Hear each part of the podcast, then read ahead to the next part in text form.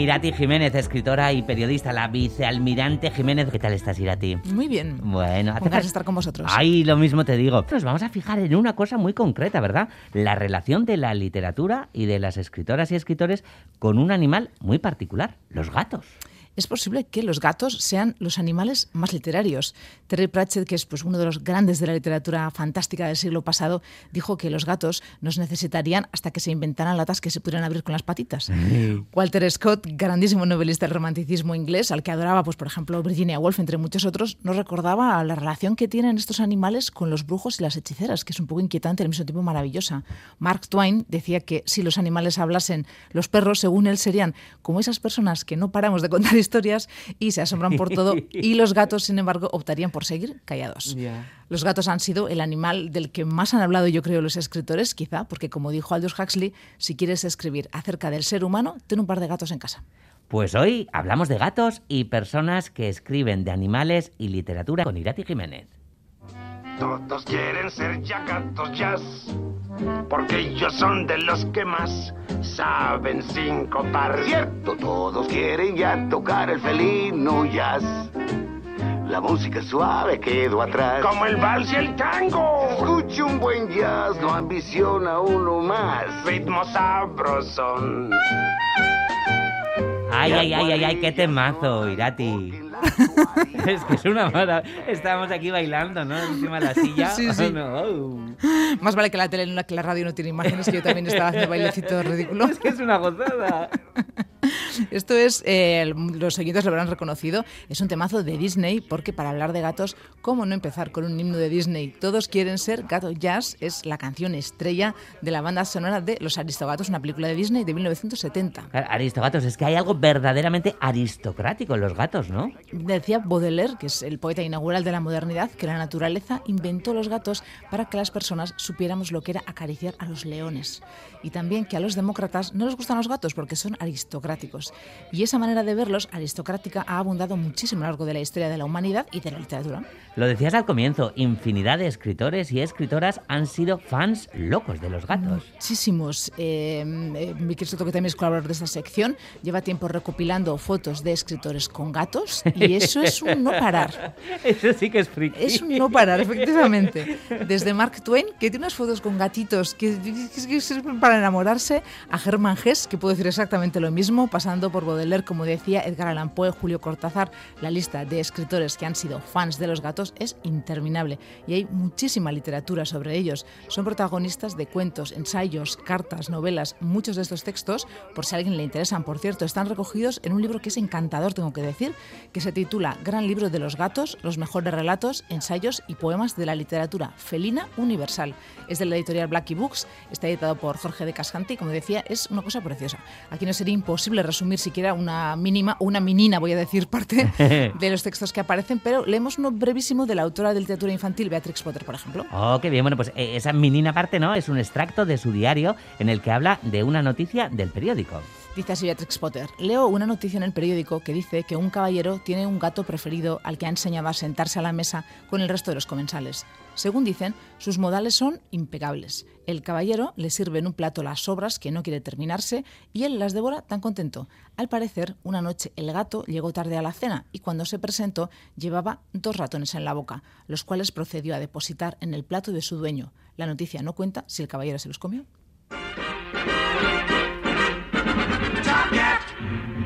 The most effectual top cat, whose intellectual close friends get to call him TC, providing its with dignity. Top cat, the indisputable leader of the gang. He's the boss, he's a bit, he's a championship, he's the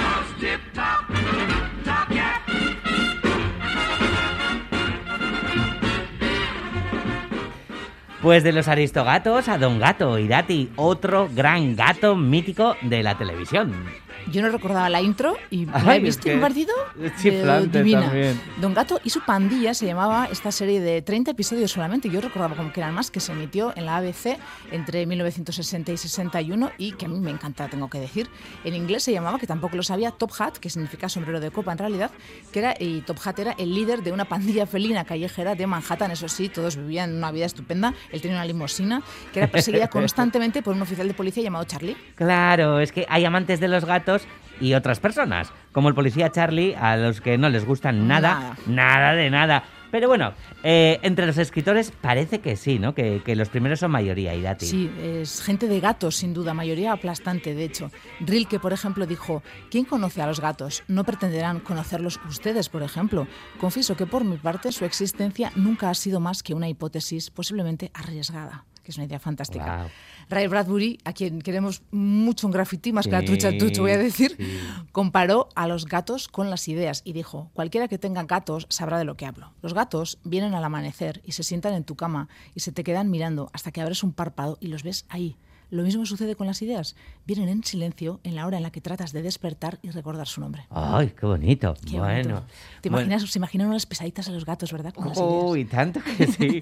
bueno, Bradbury, del que nos hablaste, como bien decías tú, y bueno, se ha hecho ya uno de los imprescindibles. Bueno, sumado pues, eh, Ray Bradbury en esta lista de escritores enamorados de gatos, pero como decíamos, hay muchos más. Hay muchísimos, son legión realmente. Patricia Highsmith, por ejemplo, de quien no nos extraña, ¿verdad? Que le gustan a los gatos, dice, me gustan los gatos porque son fieras en miniatura con las que es fácil convivir. Son elegantes, silenciosos y bellos. Se pasean con total libertad por la casa y la transforman en un hogar.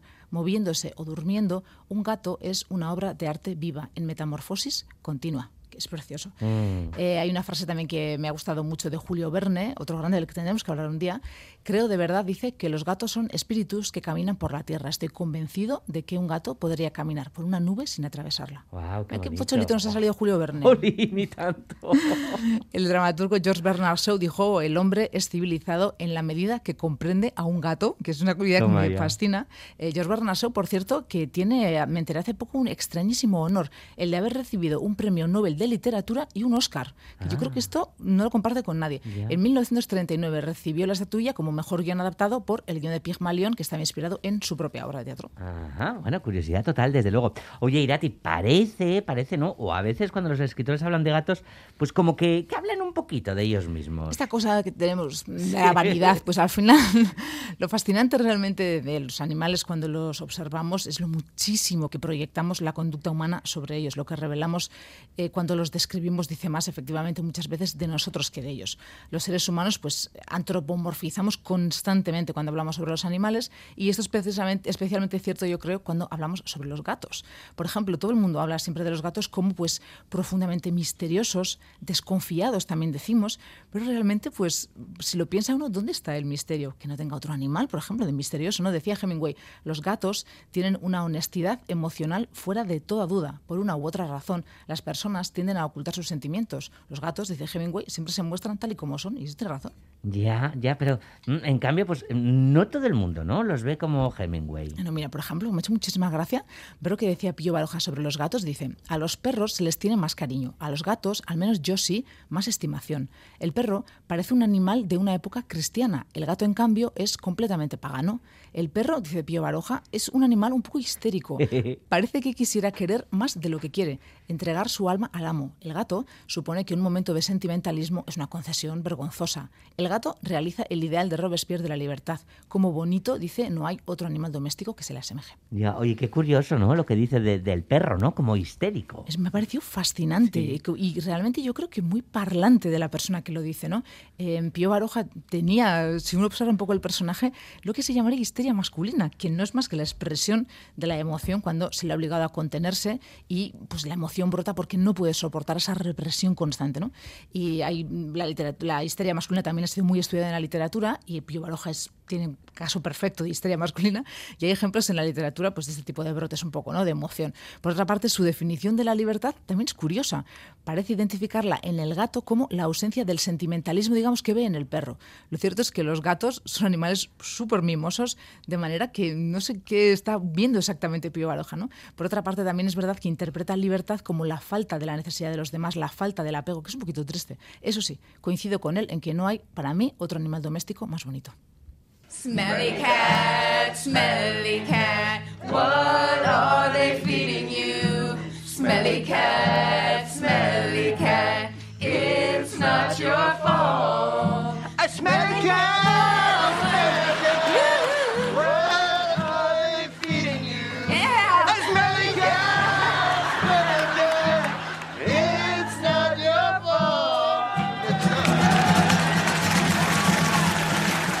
Irati, hacía mucho que no ponías nada de ¿Verdad? Ya se echaba de menos, ya se me está haciendo gordo el caldo.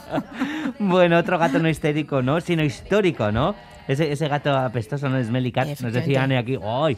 Mítico. Ya es como el séptimo personaje de Friends un poco, ¿no? Sí. El gato apestoso de Phoebe, al que no llevaban al veterinario según decía la letra, y no era la mascota favorita de nadie, pues es curiosamente una de las mascotas favoritas de la televisión no existiendo. Un ejemplo más de el poder de los gatos, la mascota favorita, como decíamos, de muchos, muchos escritores. Eso es. Bueno, y, entre ellos algunos de, de tus favoritos. Bueno, ya los has nombrado, pero también está por ahí eh, Raymond Chandler, ¿verdad? Uno de los grandes de la novela negra, que también tuvo gatos. Era fans, pero ultra fans de los gatos. Eh, el autor del Largo Adiós, una de mis novelas favoritas y de otras estupendas novelas de género negro, tuvo gatos durante toda su vida, un buen montón de ellos, pero ninguno tan querido para él como la que fue su gata durante 16 años y que les acompañó a él y a Sissy Chandler, su mujer, en un momento clave de la vida, cuando Raymond Chandler, al que acababan de despedir de la compañía petrolífera en la que llevaba años haciendo trabajo de oficina, pues decidió nada menos que dedicarse a escribir para fortuna de la literatura. Así la describe a su gatita Chandler en una carta a un amigo. Le dice, un hombre llamado Inkstead me sacó algunas fotos para la revista Harper's Bazaar hace un tiempo. Nunca pude descubrir por qué, nos dice. Y una, la que yo estaba con mi secretaria sentada sobre mis rodillas, salió realmente muy bien. Cuando reciba una docena que pedí, le enviaré una. Quizá eso sí convenga aclarar que mi secretaria es una gata persa negra de 14 años y la llamo así porque ha estado conmigo desde que empecé a escribir. Por lo general, sentándose sobre el papel que quiero usar, esto darán fe todos que tienen gato, o los escritos que quiero revisar, a veces saltando sobre la máquina de escribir y a veces mirando tranquilamente por la ventana desde un rincón del escritorio como diciendo, lo que estás haciendo es una pérdida de tiempo, compañero. Es que es precioso. Es muy bonito. Es súper bonito. Las cartas Chandler son una maravilla. Se llamaba eh, Taki, ¿no? Taki con I, ¿no? Sí, originalmente al parecer eh, habían escrito taque con E, pero pronunciado taki. Y luego vieron que era, esto, esto era una explicación muy complicada y escribieron taki, que significa al parecer bambú en japonés. Según Chandler, por lo general su gata es cortésmente distante, le escribía a un amigo, pero de vez en cuando se pone de un humor discutidor y habla durante 10 minutos sin parar. Ojalá yo supiera lo que está diciendo, pero sospecho que se resume en una versión muy sarcástica de podrías hacerlo mejor. Es Eh. He amado a los gatos toda mi vida, nos dice, no tengo nada contra los perros, salvo que necesitan mucha diversión y nunca he podido entenderlos del todo. Taki es un animal completamente con mucha plomo y siempre sabe a quién le gustan los gatos. Nunca se acerca a alguien a quien no le gustan y siempre va directamente hacia cualquiera, por tarde que llegue o por desconocido que sea que realmente los quiera. No hace mucho tiempo con ellos, no obstante, se limita a un momentito moderado de caricias y de juegos. Y es que es cierto que los gatos se dan cuenta a quién le gustan los gatos. Sí, ¿verdad? Yo lo he visto, La, la atracción, tienen ese radar, ¿no? Sí, sin duda. Ya, bueno. Oye, Chandler cuenta en sus cartas muchas eh, cosas más sobre Taki, ¿no? Por ejemplo, que le gustaba cazar, tachón, bueno, como muchos gatos, Como creo, muchos gatos. animales vivos. Dice, tiene un truco curioso, dice Chandler de Taki, que puede o no ser excepcional, y es que nunca mata a ninguna presa. Las trae vivas y deja que uno las tome. En diversas ocasiones ha traído a la casa presas como una paloma, un loro azul, nos dice Chandler, y una gran mariposa. La mariposa y el loro estaban enteramente indemnes y siguieron su vida como si nada hubiera pasado. La paloma le dio algunos problemas, pues al parecer no quería ser transportada y tenía una pequeña mancha de sangre en el pecho. Pero la llevamos al veterinario y fíjate qué encantador. Y dice, y estuvo muy bien, se puso muy bien muy pronto. Solo un poquito de un poquito humillada. Humilladita, claro, Un poquito pobre. humilladita la paloma, claro. Hombre, es que luego te tengan que llevar al médico porque están enganchados, pues. Los ratones, dice Chandler, le aburren. Solo los atrapas si ellos insisten. Y después yo tengo que matarlos. Ay, ay. También a Taki le gustaban los topos, por lo que parece. Dice, tiene una especie de cansino interés por los topos y puede observar con cierta atención una cueva de topo. Pero los topos muerden y después de todo, ¿quién quiere un topo? Así que se limita a simular que podría atrapar a uno si quisiera. Es maravilloso. Ah, chulica. Y tanto que sí, hay Taki, qué grande. Hombre, se, se nota por cómo habla de ella, ¿no? Que, que realmente pues eran pues íntimos amigos, ¿no? Le hizo más que compañía a lo largo Sí, de los sin años. duda, ¿no? sin duda. Dice en una carta, va con nosotros a todas partes, recuerda todos los sitios donde ha estado antes y en general se siente a gusto en cualquier lado. Uno o dos lugares le cayeron mal, no sé por qué. Simplemente no se adaptó a ellos. Lo más probable es que en en ese sitio haya habido un asesinato brutal, dice, y que estaríamos mucho mejor en otra parte. El asesino podría volver. A veces, dice, me mira con una expresión peculiar y tengo la sospecha de que lleva un diario porque la expresión parece decir, hermano, en general se te ve muy satisfecho. Satisfecho contigo mismo. Me pregunto qué sentirías si yo decidiera publicar algo de lo que he venido anotando en mis ratos libres. Oh, se llama eh, ¿Cómo se pasa al lado? Eh, sí, este otro, eh, mm, después de Taki quería hablaros de el gato, digamos, favorito mío de la literatura, aunque solo sea por el nombre. Es el gato de Julio Cortázar Oh. y se llama Teodoro W. Adorno, como el filósofo. Porque un gato siempre necesita, un gato necesita un nombre como un nombre, un nombre barroco, vamos a decir. Y Julio Cortázar, eh, que fue, digo, adorador de los gatos, tiene un cuento divino, como has dicho tú, que se llama Cómo se pasa de lado, en el que nos dice una cosa a ver qué os parece a vosotros, porque él un día hizo un descubrimiento y nos lo cuenta tal cual. Dice, los descubrimientos importantes se hacen en las circunstancias y los lugares más insólitos. La manzana de Newton, mire si no es cosa de pasmarse. A mí me ocurrió, nos dice, que en mitad de una reunión de negocios, pensé sin saber, por, eh, sin saber por qué en los gatos y descubrí bruscamente que los gatos son teléfonos. ¿Qué te parece, Galder? Chulísimo. Es que eso es así. Desde luego, dice un descubrimiento parecido suscita una cierta sorpresa, puesto que nadie está habituado a que los teléfonos vayan y vengan, sobre todo que beban leche y adoren el pescado. Lleva su tiempo comprender que se trata de teléfonos especiales, Ya. como los walkie-talkies que no tienen cables, nos dice. Pero claro, co- nunca se nos había ocurrido utilizarlos, obviamente, porque este descubrimiento es muy reciente. Sí. Y tampoco sabemos contestar sus llamadas. Entonces nos dice Julio Cortázar, no se trata, como ya se habrá advertido, de descolgar un tubo inexistente para un número que nada tiene que ver con nuestras cifras, y mucho menos comprender lo que desde el otro lado puedan estar diciéndonos con algún motivo igualmente confuso. Claro, porque si los gatos son teléfonos Galder, ¿quién nos llama? Claro, claro. Son muchas dudas, pero es evidente que son teléfonos. Que el teléfono funciona, todo el gato lo prueba con una honradez mal retribuida por parte de los abonados bípedos.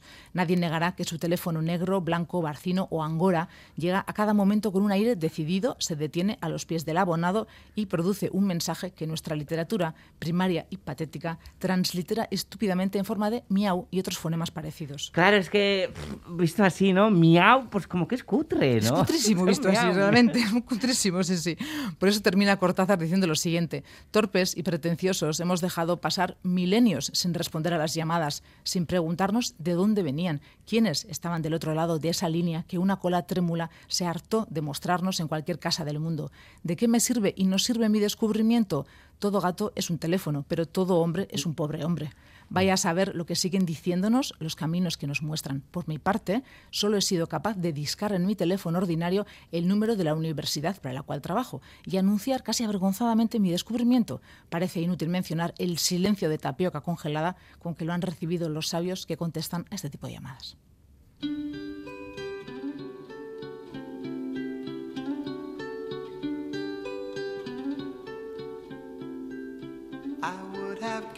You all of my heart, but there's someone who's torn it apart, and she's taken almost all that I've got. But if you want, I'll try to love again. Baby, I'll try to love again, but I know.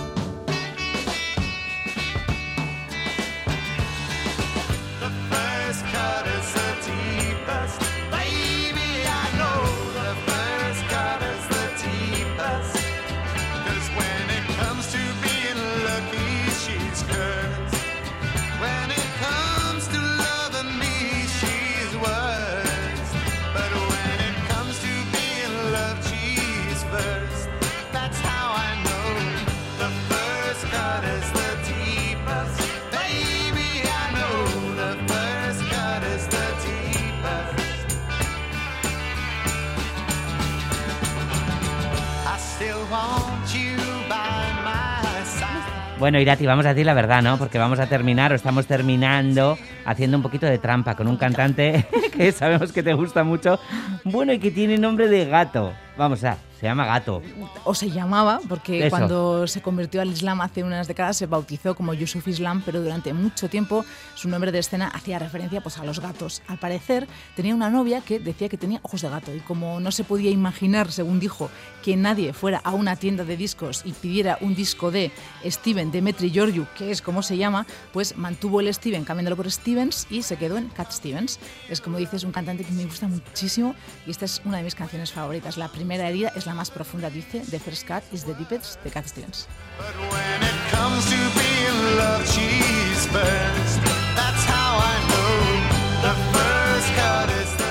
The first Cat is the Deepest. Eh, bueno, Irati, aquí está la gente también con los gatos, la audiencia. Habrá muchísimos fans de los Sí, gatos, claro. Hay quien dice que la única pena es que den alergia a tantas personas. Eso es verdad, sí. Sí. sí. Sí, He visto gente sufrir. Una amiga se tuvo que, pues, mm, se fue a vivir con su chico y era alérgica a los gatos y esto supuso un problema de convivencia. Sí, sí. Gente que tenido que renunciar a ellos. Claro, eso ya es otra cosa. Luego llegan chistes. Es que la también. naturaleza está muy, muy bonita pensada, pero faltan detalles. Exactamente. Luego llega algún chiste que otro también, como un gato jamás le diría a la policía dónde guardas las drogas. Jamás le Un perro eso. sí. Se Un tenía que decir sí. y se dijo, wow. Yo, esta es una cosa que tengo. Un perro policía. Es que. Policía. No, no, no. Me, esto es una cosa que tengo yo contra los perros, que ya hablaremos un día de los perros. Pero bueno, no quiero tampoco Sí, chafar de ni hablar mal de los perros. Ya, no, no, Por lo demás, hay, que hay perros encantadores, por supuesto. Se te es nota- verdad que para mí que no ladren los gatos es una cosa muy a favor de ellos.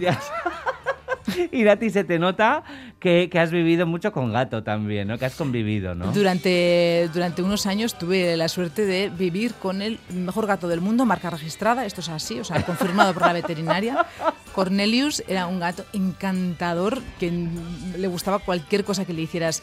Si les hacías con mimo ya le gustaba y esto es una gran lección para la vida. Pues mira, dedicada a la sección a Cornelius, por lo tanto. Y Irati Jiménez, ha sido un placer, lo hemos pasado Igualmente. estupendamente. Mucho Andívar. Quererte. Agur.